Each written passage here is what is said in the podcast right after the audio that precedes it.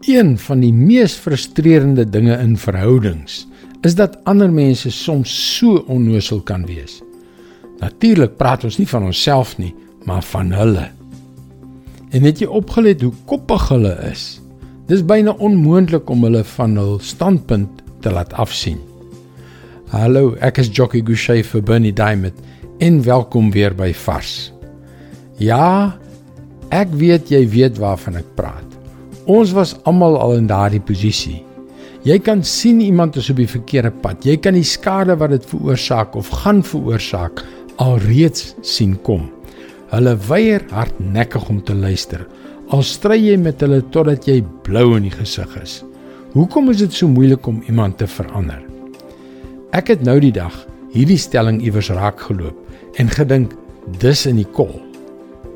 Dink hoe moeilik dit is om jouself te verander en jy sal verstaan hoe belaglik klein jou kans is om iemand anders te verander.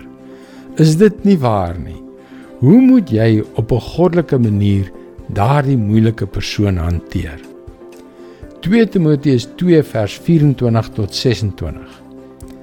'n Dienaar van die Here moenie rusie maak nie. Inteendeel, hy moet vriendelik wees teenoor almal. Bekwam om ander te leer en iemand wat onreg kan dra. Met vriendelikheid moet hy teenstanders teregwys. Dit kan wees dat God hulle bekeer en hulle tot die kennis van die waarheid bring. Dan sal hulle weer tot nugtere insig kom en vry raak uit die vangstrik van die duiwel waarmee hy hulle gevange gehou het om sy wil te gehoorsaam.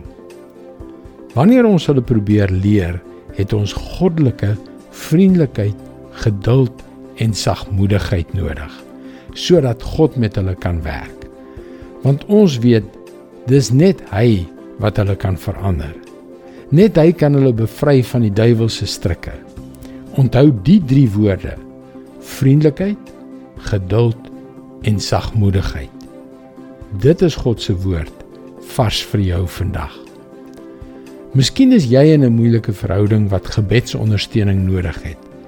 Wel, die goeie nuus is dat jy jou gebedsversoeke na ons gebedsspan by powerfulprayer.org kan stuur. Jy kan egter nog op die gewone webwerf varsvandag.co.za vir jou daaglikse vars boodskappe inteken. Mooi loop en luister weer môre na jou gunsteling stasie.